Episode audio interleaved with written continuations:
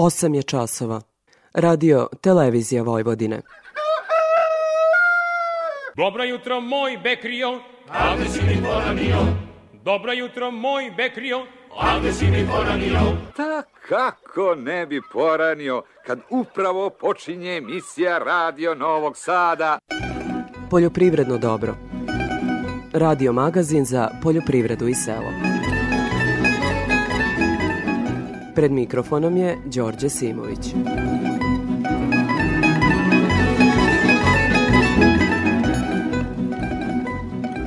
Poštovni slušalci, dobro jutro. Uprava za agrarna plaćanja raspisala je sedmi javni IPART poziv za nabavku novog traktora. Rok za podnošenje zahteva je do 22. aprila. Obuhvaćeni su sektori mleka, mesa, voća i povrća, žitarica, grožđa i jaja. O ovome ćemo govoriti u temi emisije, a u uvodu IPART ekspert Slobodan Teofanov naglašava ko će na konkursu imati prednost pri bodovanju. U ovoj emisiji To je znači da je žensko, 15 bodova, aplikant da je mlađi od 40 godina, 15 bodova, da je član zadruge 10 bodova, da živi u otežanim uslovima, području sa otežanim uslovima 20 bodova, se bavi organskom poljoprivredom i tako dalje. To su sve neki bodovi koji opredeljuju rang listu Ugovore za subvencionisanu nabavku traktora i druge poljoprivredne mehanizacije u okviru konkursa 50-40-10 koje Ministarstvo poljoprivrede sprovodi u saradnji sa Svetskom bankom, do sada je potpisalo 397 proizvođača, čime je počela isplata prvih 7 miliona evra za te namene. Po ovom konkursu ukupno je obezbeđeno milijardu i 200 miliona dinara, a do sada je zahtev za korišćenje bespovratnog novca u oblasti voćarstva, povrtarstva, vinogradarstva i cećarstva odobren za ukupno 871 poljoprivrednika.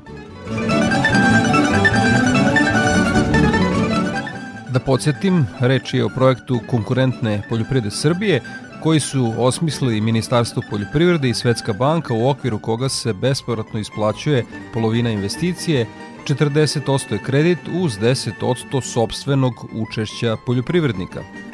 Do sada su raspisana dva javna poziva. Aktuelan je trenutno drugi javni poziv za nabavku traktora i mehanizaciju u oblasti stočarstva vredan 360 miliona dinara, a krajnji rok za podnošenje prijava je 23. februar. Poljoprivrednici će kroz ovaj projekat moći po prijavi da dobiju bespovratnog novca u iznosu od 10 do 25 hiljada evra. Razvojni fond Vojvodine odobrio je 28 miliona dinara kredita poljoprivrednicima. Od 11 kredita, 6 u ukupnom iznosu od 18 miliona dinara odobrano je za nabavku poljoprivredne mehanizacije. Za kupovinu poljoprivrednog zemljišta odobreno je 5 miliona dinara, a za obratna sredstva bezmalo 2 miliona dinara. U emisiji ćemo govoriti o stanju useva pšenice i aktuelnom poslu prihrane. Kako će se poljoprivrednici postaviti prema prihrani možda najbolje svedoči poljoprivrednik u Kikindi Milorad Šibul. u ovoj emisiji. Mi smo sačekali sa prihranom kako što su ovaj, predložili, ne treba žuriti, evo danas bacamo, tako da ide sve kako treba. Mi smo u, veoma, u pad poziciji. Ako ne bacimo đubrivo, neće biti roda. Ako bacimo đubrivo po ovoj ceni, jako, ovo je jako preskupo. I onda ne znam šta da radimo. Do početka prolećne setve ostalo je mesec dana, a ono što će svakako obeležiti je visoka cena repromaterijala. U Agrarnom savezu Srbije navode da će setva kukuruza po hektaru ovog proleća koštati od 140.000 do 155.000 dinara, što je za blizu 50% skuplje nego lane, dok će setva soje i suncokreta biti skuplja za 30% nego prošle godine.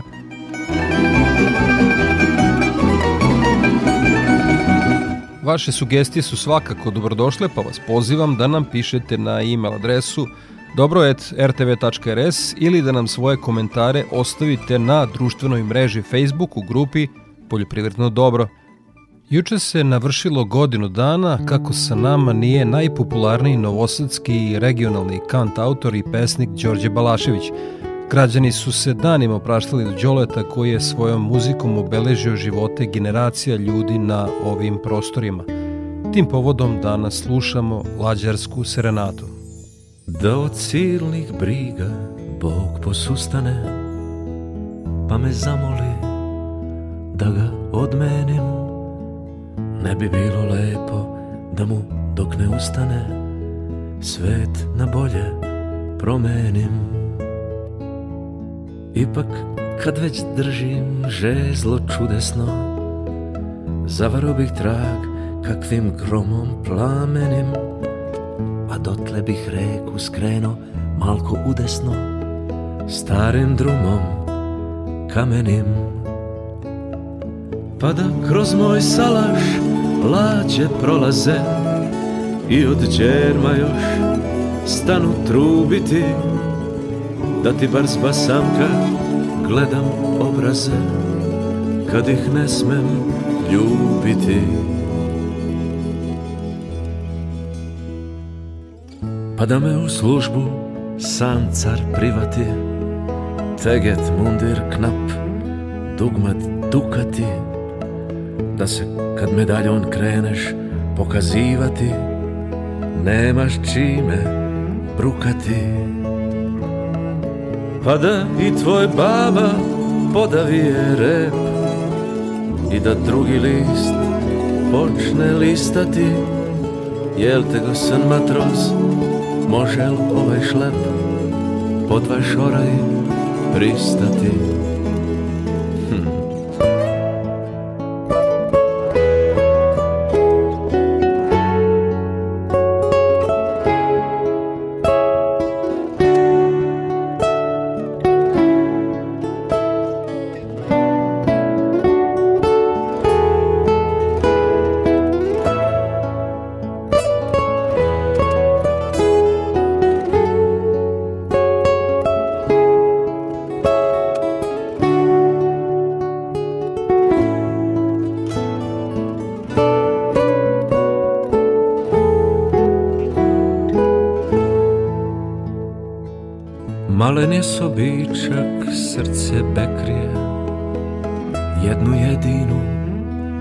može primiti Al bez brige, sve da santa nebo prekrije Ti imaš di prezimiti. Sad u tuli fenjer sakri šibicu Mesečev ću prah tek da istrunim Da u mraku lovim zlatnu ribicu da joj želju ispunim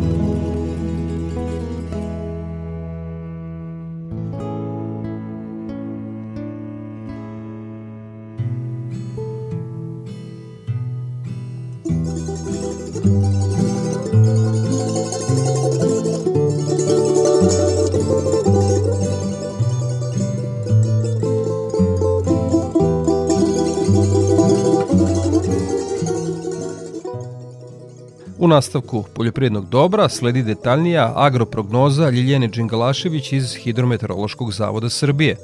Proteklu sedmicu karakterisalo je toplije vreme od uobičajenog sa pojavom slabih padavina. Maksimalne dnevne temperature vazduha su bile od 2 do 10 stepeni iznad višegodišnjeg proseka. U zapadnoj Srbiji je izmereno čak 20 stepeni.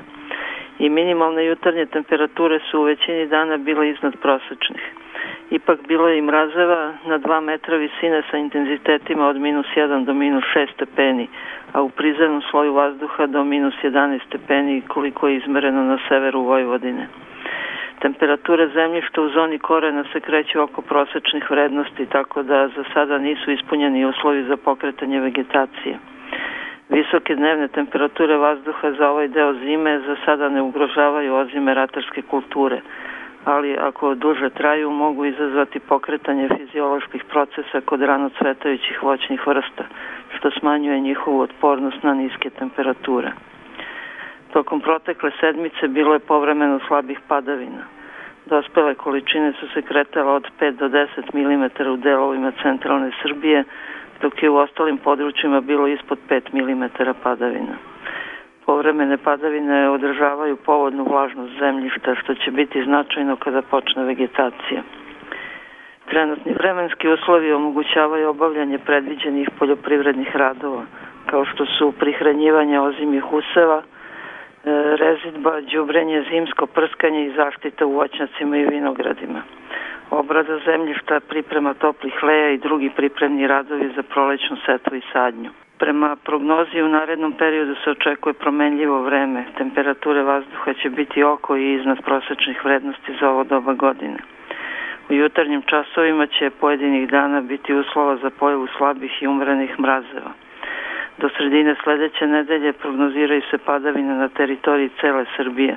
U nižim predelima uglavnom kiša, a na planinama sneg.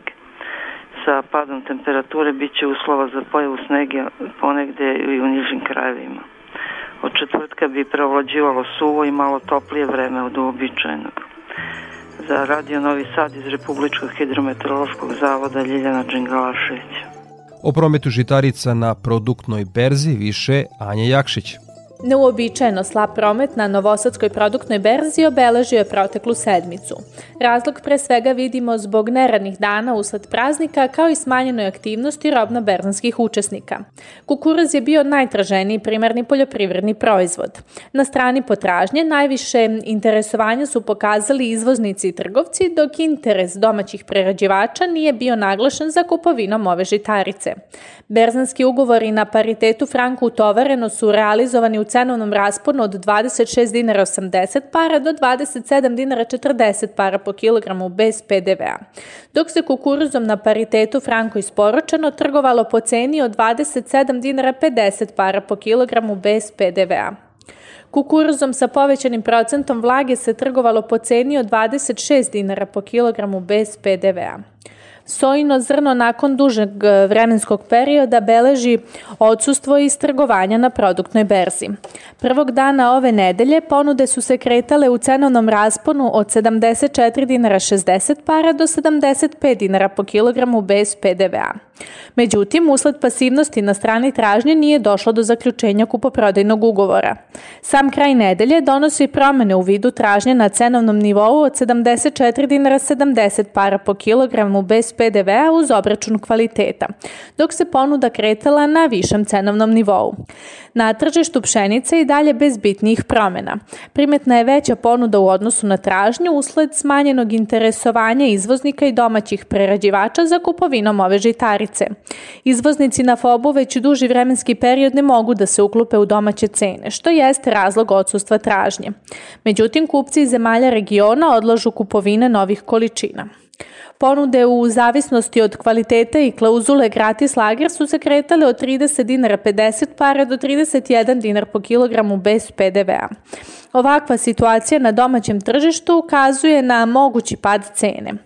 Terminska ponuda pšenice roda 2022. godine na cenovnom nivou od 28 dinara po kilogramu sa isporukom robe tokom jula nije adekvatno odreagovala na tražnju. Cene đubriva su u padu. S jedne strane, ponuda ureje se povećava i samim tim dolazi do negativnog cenovnog trenda, dok s druge strane kod Ana se beleži veća zainteresovanost za kupovinom. Sa agronomske strane, logično je da se tražnja za Anom povećava usled približavanja prihrane pšenice ovom azotnom formulacijom. Sa produktne berze, Anja Jakšić. Nakon izveštaja sa produktne berze, Gordana Jeličić iz Infotim Logistike obavestit će nas to o trendovima na tržištu stoke. Sve cene su bez uračunatog poreza na dodatu vrednost. U toku ove nedelje naši saradnici su tovne svinje sa farme oglašavali po ceni od 150 do 155 dinara po kilogramu, tovljenike sa mini farme po ceni od 150 dinara po kilogramu, a tovljenike iz otkupa po ceni od 145 dinara po kilogramu. Dogovori za iduću nedelju su da će se tovljenici sa farme plaćati 150 dinara po kilogramu. Mada će oglašivači pokušavati da ponude viši nivo cena. Ponuda jagnjadi oglašena je po ceni od 360 do 380 dinara po kilogramu, a ovce za klanje su nuđene po ceni od 150 do 160 dinara po kilogramu. Zbog smanjene operativnosti robe na terenu beležimo viši nivo cena. U toku nedelje prasaca farme oglašena su u rasponu cena od 260 dinara po kilogramu, prasaca mini farme po cenama od 230 do 240 dinara po kilogramu, a prasad iz otkupa po ceni od 195 do 220 dinara po kilogramu. Iako postoji zainteresovanost da se uvode prasad za dalji tov, ponuđači nisu zadovoljni ovim nivoom cena u ponudi. Ponude bikova Holštajn oglašena je po ceni od 300 dinara po kilogramu, a bikova simentalaca po ceni od 305 do 320 dinara po kilogramu. Uočava se jači nivo cena u oglasima i veća zainteresovanost od strane kupaca. Cene su izražene bez PDV-a. Za Radio Novi Sad, Gordana Jeličić iz Infotim Logistike.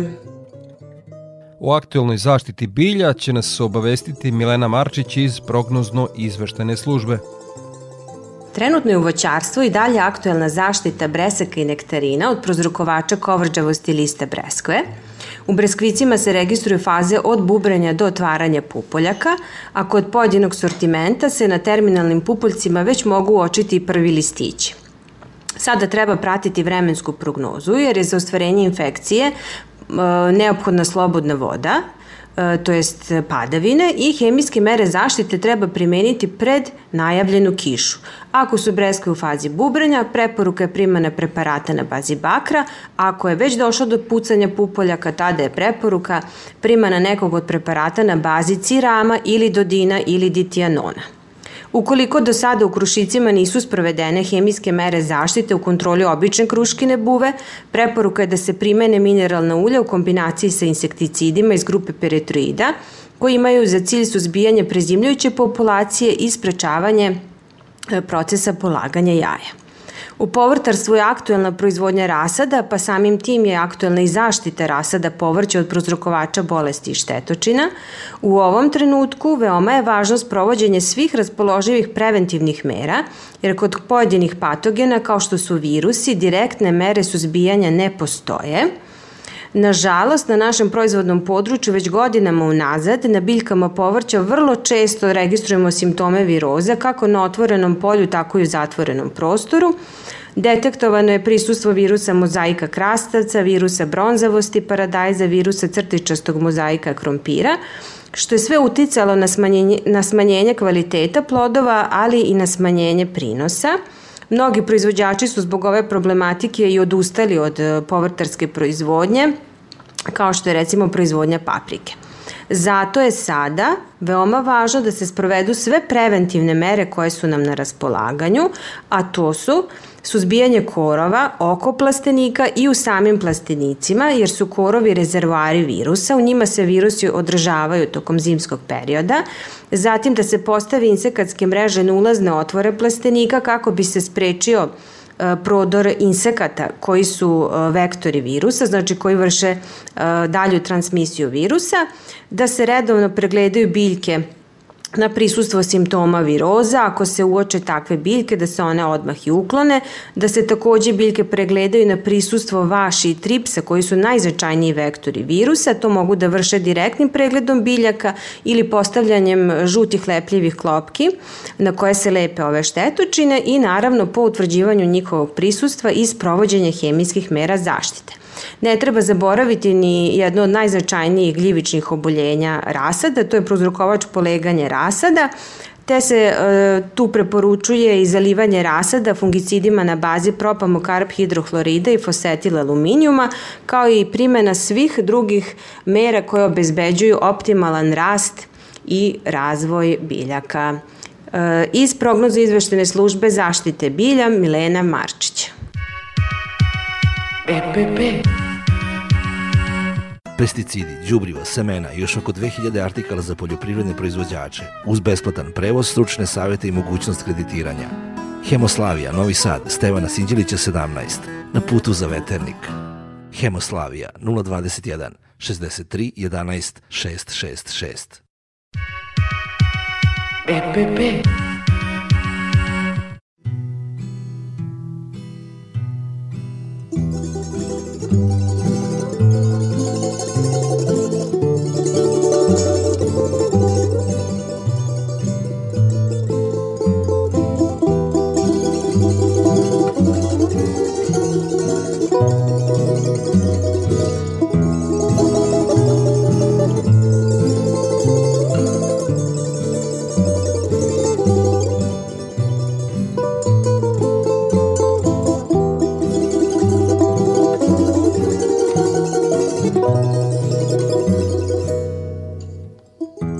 Na osnovu stanja na tržištu procenjuje se da će kikinski poljoprivrednici potrošiti za petinu manje mineralnog đubriva prilikom prihrane pšenice, s obzirom na veoma skup repromaterijal. Pšenica je u fazi bokorenja i nalazi se u veoma dobrom stanju nakon hladnih i snežnih dana tokom prethodnog perioda. Branislav Ugrinov, Prihrana pšenice u Kikindi je u toku. Paori su poslušali stručnjake koji su im savetovali da đubrivo baca u drugoj polovini februara, kada dani postanu topliji. Međutim, ono što je evidentno jeste da će kikinski poljoprivrednici oko 20% umanjiti upotrebu veštačkog đubriva prilikom prihrane pšenice, s obzirom na skup repromaterijal, podsjeća Zoltan Ekreš, poljoprivrednik iz Ruskog sela.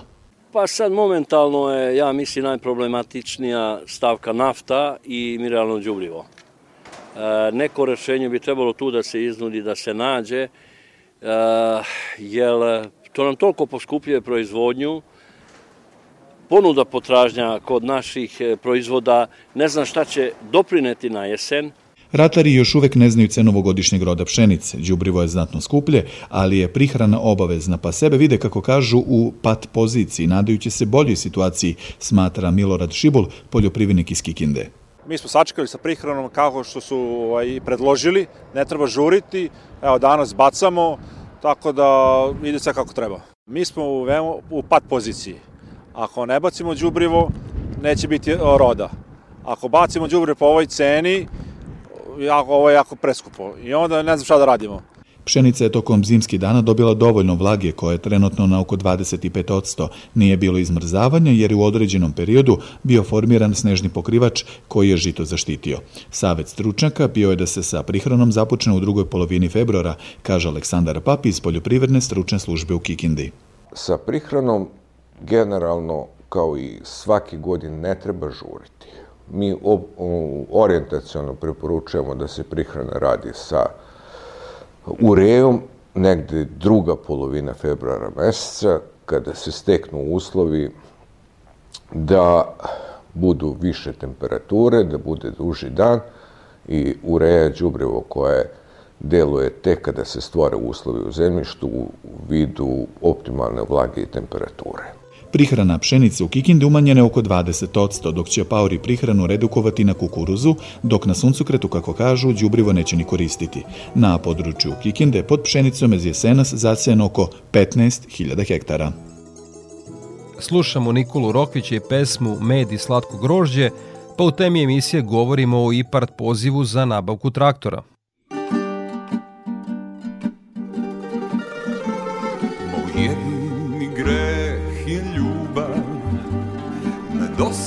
Mi toliko da boli.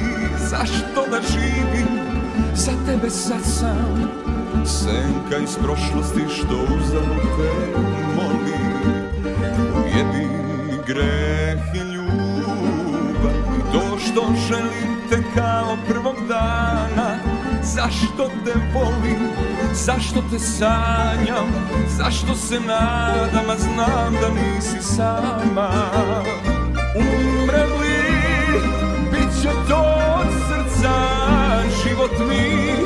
Kao kazna dođe, nekom si, meni grožđa, meni noć nikada prođe, umrem li, bit će to srca, život kao kazna dođe, nekom si,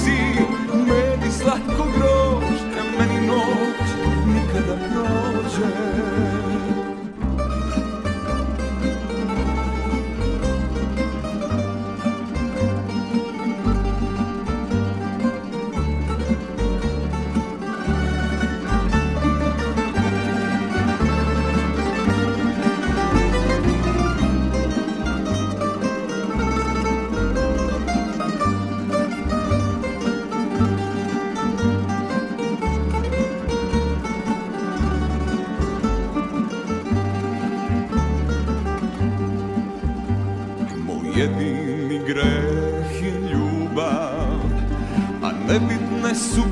sve sa strane Smiluj se pruži još jednu šansu. Muškarcu koji spreman je na pokajanje U jedini greh je ljubav. To što želim te kao prvog dana Zašto te volim, zašto te sanjam Zašto se nadam, a znam da nisi sama Umrem li, bit će to od srca Život mi. Kao kazna dođe Nekom si, meni slatko grožja Meni noć nikada prođe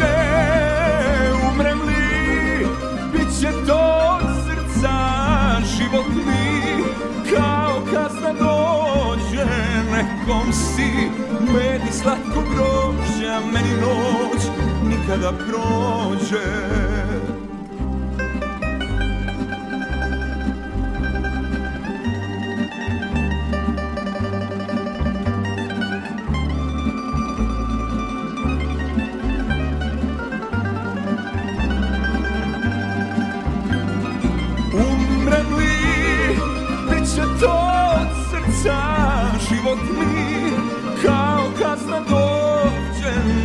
Nekom si, meni slatko grožja Meni noć nikada prođe. Tema emisije.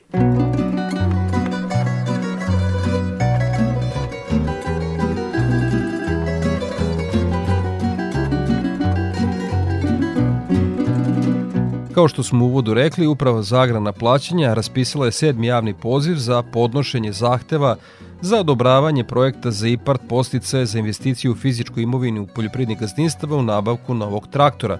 O ovom pozivu temi emisije više nam je rekao konsultant za pisanje projekata Slobodan Teofanov.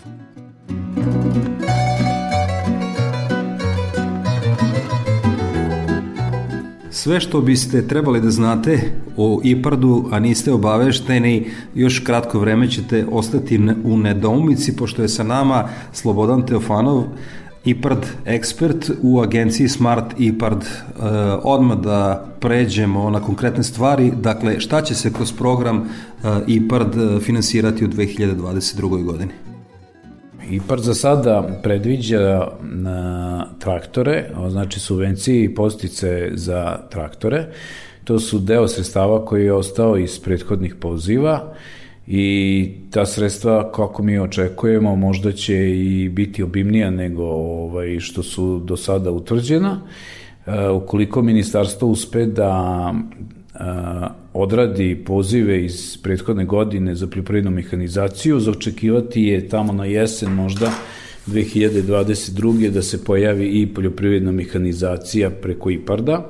Ako ne, onda se to prebacuje za 2023. gde će i većina poziva da se objavi, a to pre svega znači pozivi za izgradnju, za silose, za hladnjače, za farme, i preradu. E, za očekivati je da na proleće 2023. se pojavi seoski turizam. Ovo je iz razloga što se završava jedan programski period, e, IPARDA 2, gde treba da budu potrošena sva sredstva i to treba da se desi u ovoj godini.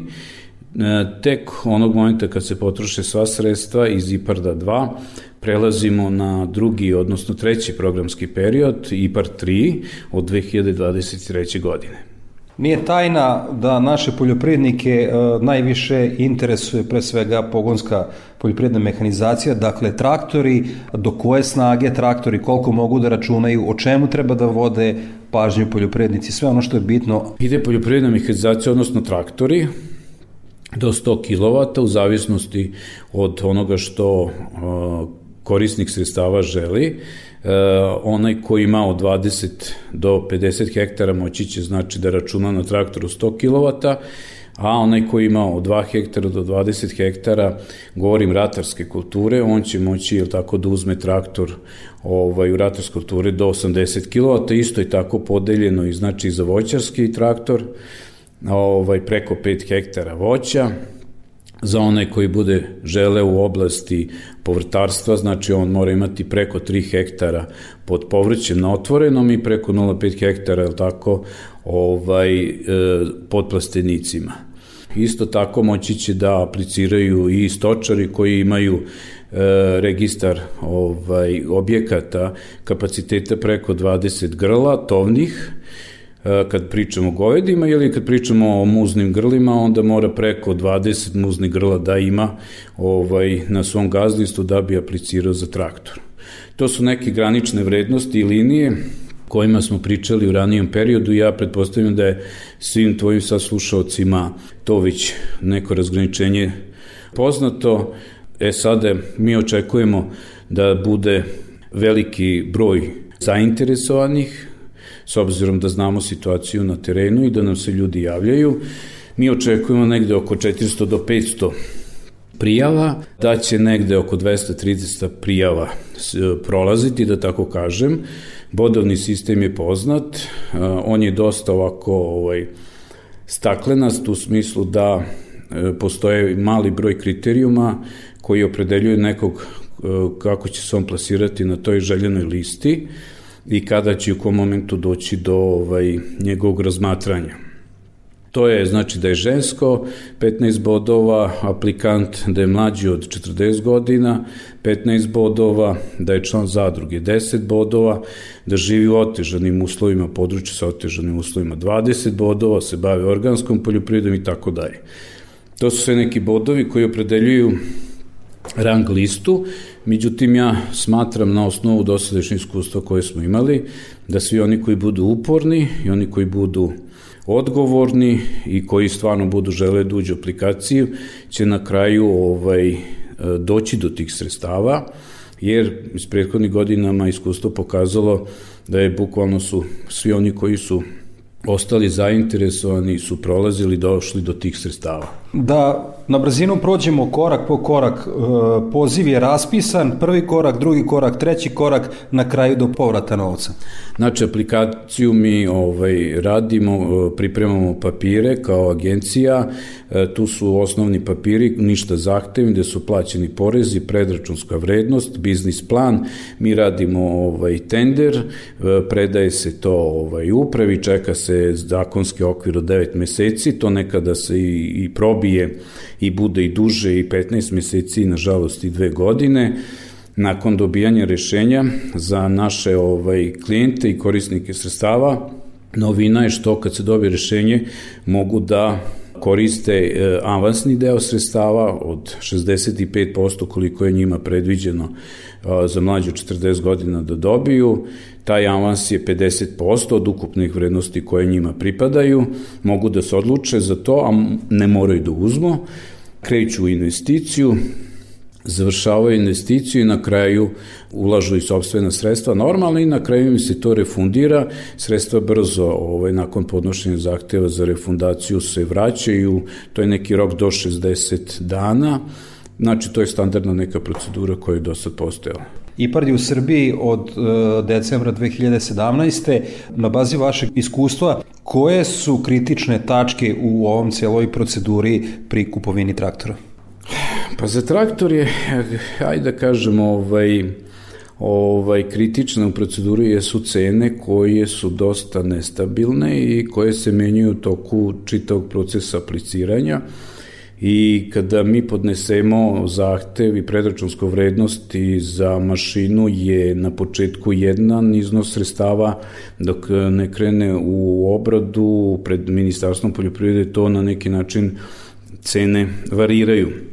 I dođe do promene cene Iako mi imamo te referentne cene koje utvrđuje Ministarstvo poljoprivrede, ipak one ne budu 65% kao što se očekuje, nego nažalost bude i u nekim slučajevima manji.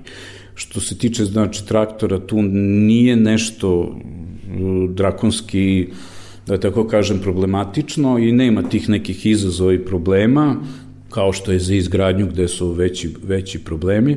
Tender se radi tri ponude, najjeftinija pobeđuje, biznis plan je nešto što je operativno vrlo jednostavno i prosto ovaj, se odradi, tako da kod poljoprivredne mehanizacije u IPARD-u, osim strpljenja, da sačekate čitavu proceduru i da planirate dugoročno, nema posebnih izazova.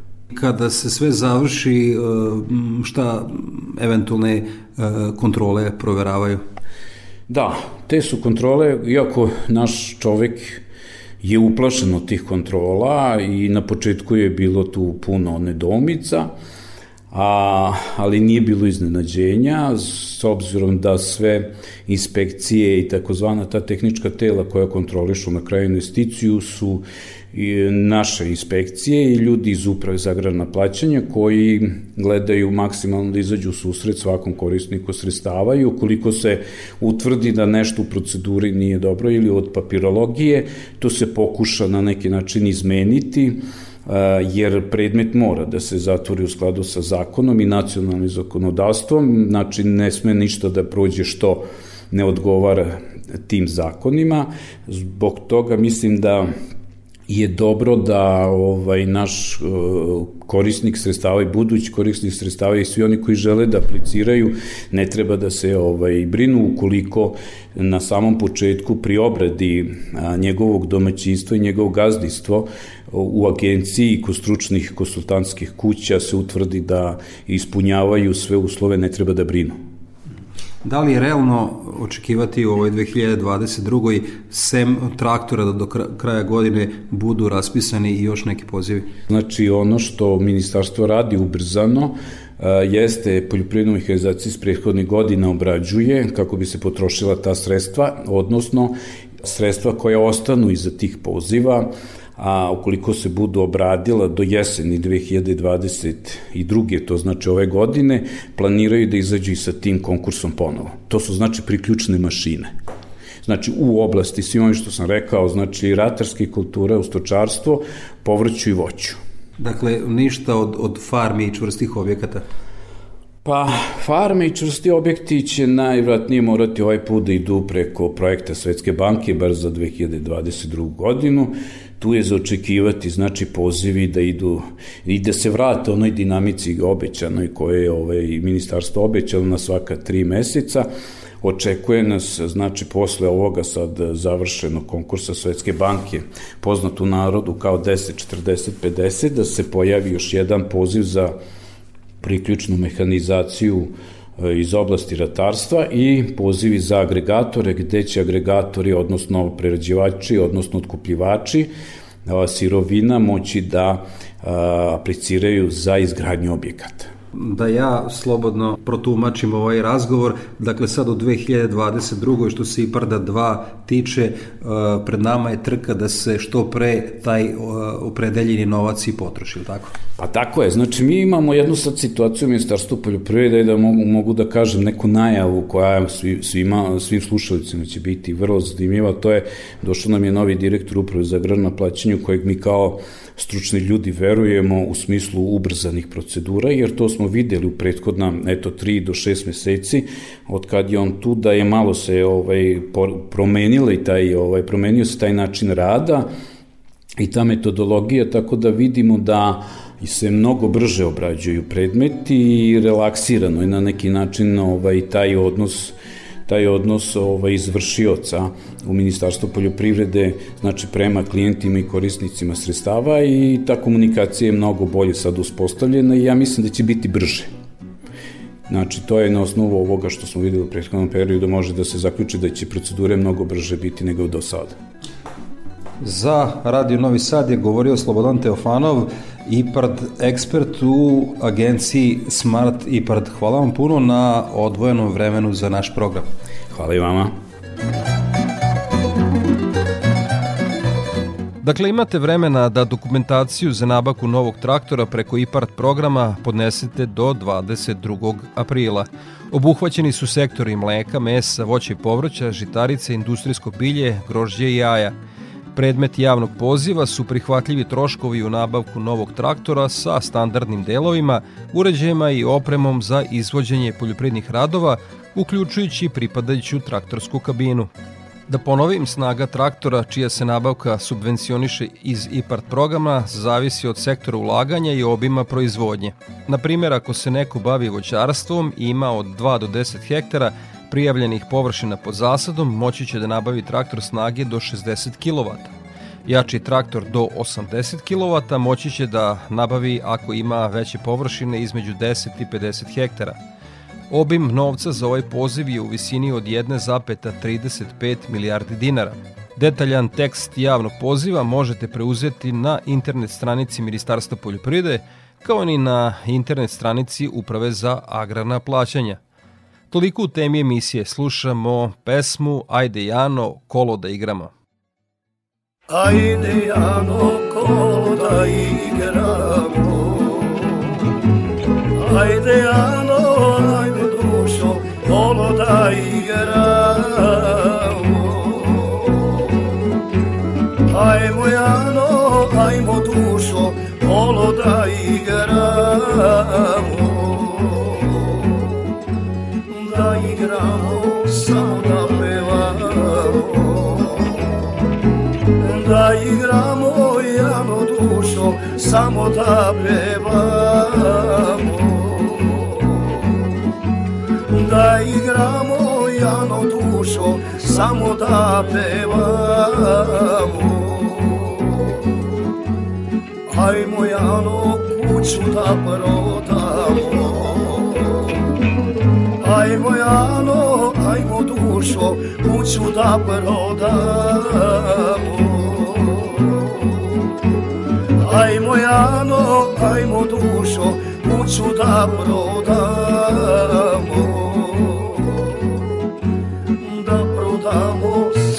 da igramo da prodamo Jano dušo, samo da igramo. Da prodamo Jano dušo, samo da igramo. Ajmo Jano konja da prodamo. Ajmo Jano, konja da prodamo. Ajmo Jano, ajmo dušo, konja da prodamo. Da prodamo, samo da igramo. Da prodamo Jano dušo, samo da igramo Da prodamo Jano dušo, samo da igramo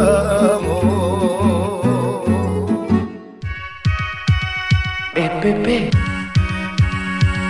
Pesticidi, đubriva, semena i još oko 2000 artikala za poljoprivredne proizvođače, uz besplatan prevoz, stručne savete i mogućnost kreditiranja. Hemoslavija, Novi Sad, Stevana Sinđelića 17, na putu za veternik. Hemoslavija 021 63 11 666. EPP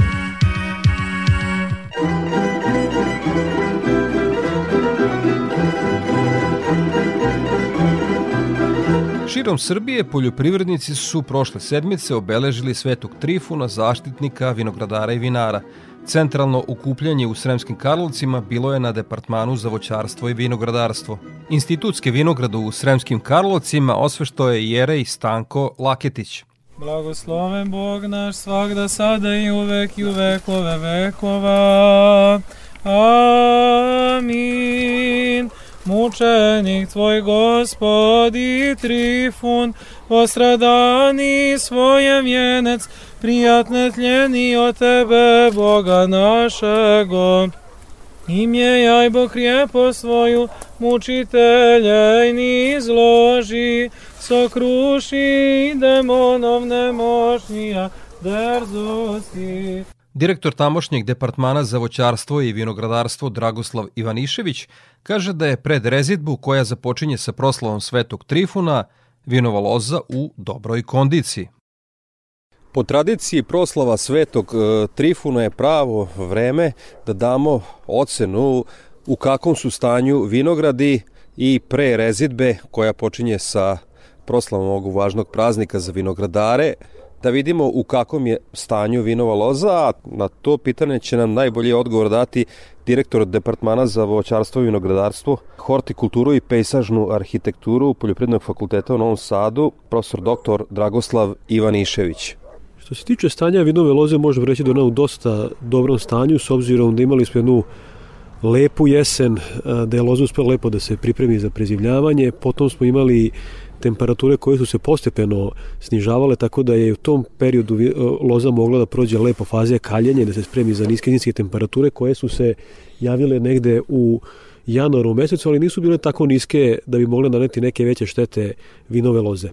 Vinove loze. Tako da generalno vinova loza se trenutno nalazi u dobrom stanju, što znači da rezidbu možemo planirati uobičajeno, shodno odgovarajućim uzgojnim oblicima koje imamo i sortama a, koje su posađene u, a, u vinogradu. Trenutno vidimo jedno, jedan period toplijeg vremena, koje opet za vinovu lozu za sada nije problematičan, ali ukoliko se ovako nastavi još ne možemo još nekoliko dana moglo bi doći a, do pojave faktički raskaljivanja odnosno da loza postane slabiji otporna na niske zimske temperature a da potom naiđe neki slučajno jači mraz, tada mogli biti u problemu. Dakle, da sad dok je dok nemamo nekih ekstremnih temperatura u narednom periodu, čak i ovo otopljenje nije problematično trenutno za vinovu lozu. Na velikim imanjima rezidba je odavno već počela, jer treba 10, 15, 20 hektara orezati. Uglavnom, vinogradari, amateri ovi manji, ovih dana će krenuti u rezidbu. Da li je možda scenario zbog mo mogućeg tih kasnijih skladnih dana sačekati, ne opteretiti lozu ili ipak kad je orežemo, ostaje manji broj okacija, ona ranije krene? Da li možda na manjim površinama malo sačekati sa rezidbom? U principu e, odlaganje rezidbe, odnosno što radimo kasniju rezidbu, na taj način malo za nekoliko dana ili za dan, dva odlažemo kretanje e, e, same loze. Tako da u tom smislu bi bilo poželjno sačekati krajnji moment ukoliko je, ukoliko je to moguće. Na većim imanjima, kao što ste rekli, vinogradari već režu tokom celog decembra, januara, pa evo i februara meseci polako rezbu privode, privode kraj. Onda manjim površinama možemo sačekati evo polovinu februara, dakle Svetog Trifuna i možda u toku narednih 15 dana izvršiti rezidbu loze, evo ja se iskreno nadam da neće biti tako niskih temperatura. I da se podsjetimo koji poslovi slede nakon rezidbe? Dakle, nakon rezidbe, naravno, izvlačenje loze iz žica, potom popravka potpore za stjezanje žica, zamena stubova i sve ono što ostale prateće aktivnosti koje, koje prate popravljanje potpore. Nakon toga u momentu kretanja sokova, odnosno u fenofazi suzenja vinove loze, pristupamo vezivanju lukova. To, će, to je uobičajeno negde kraje marta meseca, ali do tad treba završiti rezidbu i treba pripremiti potporu, odnosno zategnuti potporu i žice. Bilo bi dobro nakon rezidbe neposredno nakon rezidbi izvršiti tretman nekim bakarnim preparatima, pre svega da bi sprečili infekciju određenih, s određenim e, prouzrokovačima nekih bolesti drveta. A, zatim, a, to je to ono što je sad, da kažemo, pred vinogradarima u narednih mesec dana. Za Radio Novi Sad, e, profesor doktor Dragoslav Ivanišević sa Poljoprivrednog fakulteta u Novom Sadu. E, hvala vam puno na odvojenom vremenu za naš program i želim vam beričetnu 2022. Hvala i vama i svim vinogradarima i vinarima želim srećnu slavu, nadamo se jednoj uspešnoj i lepoj godini, a takođe slušalcima želimo sve najbolje. Nakon što je osveštao vinograd, Jerej Stanko Laketić podsjetio je na značaj obeležavanja vinogradarske i vinarske slave Svetog Trifuna. Najvrlinski, najuzvišeniji delatnik, vinogradar koji dela duše naše. I svaki put kada dođemo u prirodu, pa i u naše vinograde, setimo se da je gospod tvorac sveta u kome živimo, pa da mi je on dao vinovu lozu. A mi kada se oko nje trudimo, kada je sadimo, negujemo, rasađujemo, kada ubiramo plodove, mi smo upravo gospodnji pomoćnici na tom divnom delu.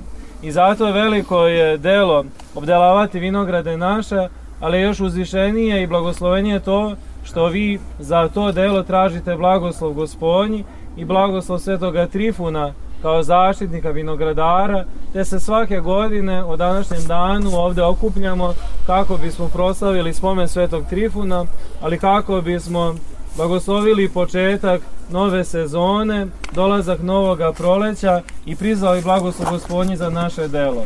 Da imamo na umu da svaki put kada odemo u vinograd, da vršimo delo Božije, da činimo to u slavu Božiju, da se prekrstimo i Bogu pomalimo kako na početku i na ulasku u naš vinograd, tako i na kraju naše sezone, na kraju svakoga dana kada smo nešto dobro učinili i naravno i onda kada ubiramo plodove vinograda naših. Neka nas zdravlja spasenje, Sveti Trifun da nas čuva, da se okupljamo ovde i narednih godina i da Karlovci u budućnosti budu ono po čemu su bili čuveni u prošlosti, između ostalog kao centar, centar vinarstva, vinogradarstva. Živi bili, Bogom blagosloveni. Nakon programa u Vinogradu, karlovački vinogradari su se okupili na institutskom dobru kako bi degustirali vino iz prošlogodišnje sezone. Bio je to odličan povod za pesme o vinu. Za ovu priliku Mića Savanović je došao iz Švajcarske i odrecitovao nekoliko pesama o vinu. Nek se nebu vino vine, svr ljubavi u visine, blagoslovu u istine, neka sreća svetlom sine kroz životne zavrzleme trenom sreće kroz sve tine. Nek čepovi svirku ore, neka srca radost bore diljem noći u sve zore. Vino od čoveka čini nebeskog vojnika.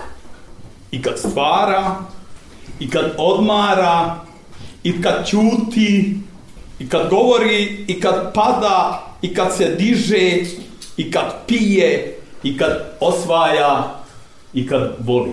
Hvala vam. Prema narodnom verovanju, ako na Trifundan padne sneg ili kiša, bit će kiša i rodna godina, a ako je vedro, godina će biti sušna i nerodna. Činjenica da iz godinu godinu naši vinogradari i vinari proizvode sve kvalitetnija vina koja na najznačajnijim svetskim ocenjivanjima osvajaju prestižne nagrade. I dalje govorimo o vinu. Razvojna agencija Vojvodine nastavlja da organizuje promocije naših kompanija na prestižnim svetskim sajmovima posvećenim hrani i piću. Prvi u nizu je Vin Itali koji će u aprilu biti održan u Veroni, a na kome će svoje vina predstaviti vinari Fruške gore. Olivera Kovačević iz Razvojne agencije Vojvodine kaže da je Vin Itali referentni sajam u vinskom svetu i čine ga brojni susreti, degustacije i radionice radi intenziviranja kontakata izlagača i poslovnih posetioca. Na zajedničkom štandu regiona Vojvodine izlagaće šest vinarija i dve destilerije e, koje po svojim proizvodima i priznanjima e, su poznate e, i izvan granica naše zemlje. Među njima su udruženje proizvođača grožđa i vina sa oznakom geografskog porekla Srem Fruška Gora, Ovo udruženje je osnovano sa motivom da se nastavi slavna vinogradarska tradicija ovog podneblja, ali i unapredi proizvodnja grožđa i vina i danas okuplja oko 90 proizvođača vina i grožđa. Pored predstavnika ovog udruženja, region Vojvodine će predstavljati i vinarije kao što su Belo Brdo, Deurić, Carski vinogradi, destilarije na plac Margan Plus, vinarije Erdevik i drugi. Štand Vojvodine, odnosno regiona Vojvodine, u modernom dizajnu zauzimaće površinu od oko 80 kvadrata, a tokom priredbe će osim na samom štandu biti organizovane i dve prezentacije, degustacije vina naših učesnika u posebnom prostoru namenjenom za prezentacije i interakciju sa stručnom publikom u International Wine Tasting Roomu a smatramo da će ovo biti izuzetna prilika za promociju i plasman vina iz Vojvodine na međunarodnom tržištu. I za kraj emisije još jednom agroprognoza Ljiljane Đengalašević iz Hidrometeorološkog zavoda Srbije. Prema prognozi u narednom periodu se očekuje promenljivo vreme. Temperature vazduha će biti oko i iznad prosečnih vrednosti za ovo doba godine. U jutarnjim časovima će pojedinih dana biti uslova za pojavu slabih i umrenih mrazeva. Do sredine sledeće nedelje prognoziraju se padavine na teritoriji cele Srbije. U nižim predelima uglavnom kiša, a na planinama sneg. Sa padom temperature biće uslova za pojavu snega ponegde i u nižim krajevima. Od četvrtka bi preovlađivalo suvo i malo toplije vreme od uobičajenog.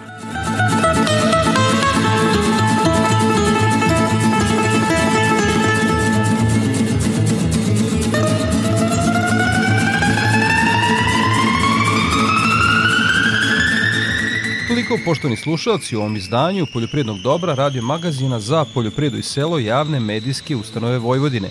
Naredni susret zakazujem za 7 dana uz posjećenje da emisiju Poljoprivredno dobro možete da slušate i odloženo na podcastu portala Radio Televizije Vojvodine na adresi rtv.rs kao i na zvaničnoj Facebook grupi Poljoprivredno dobro gde možete da ostavite svoje sugestije.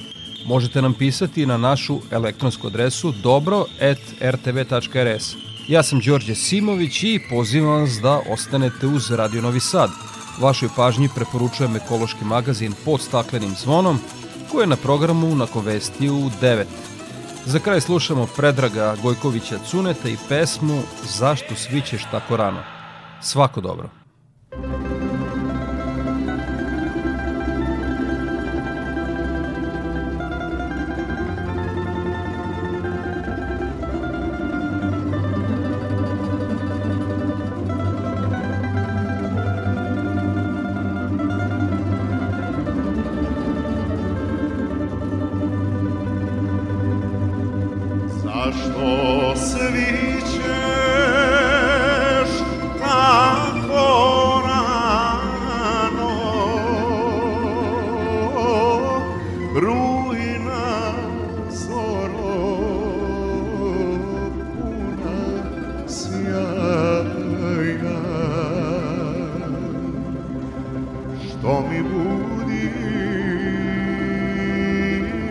vidiš zlato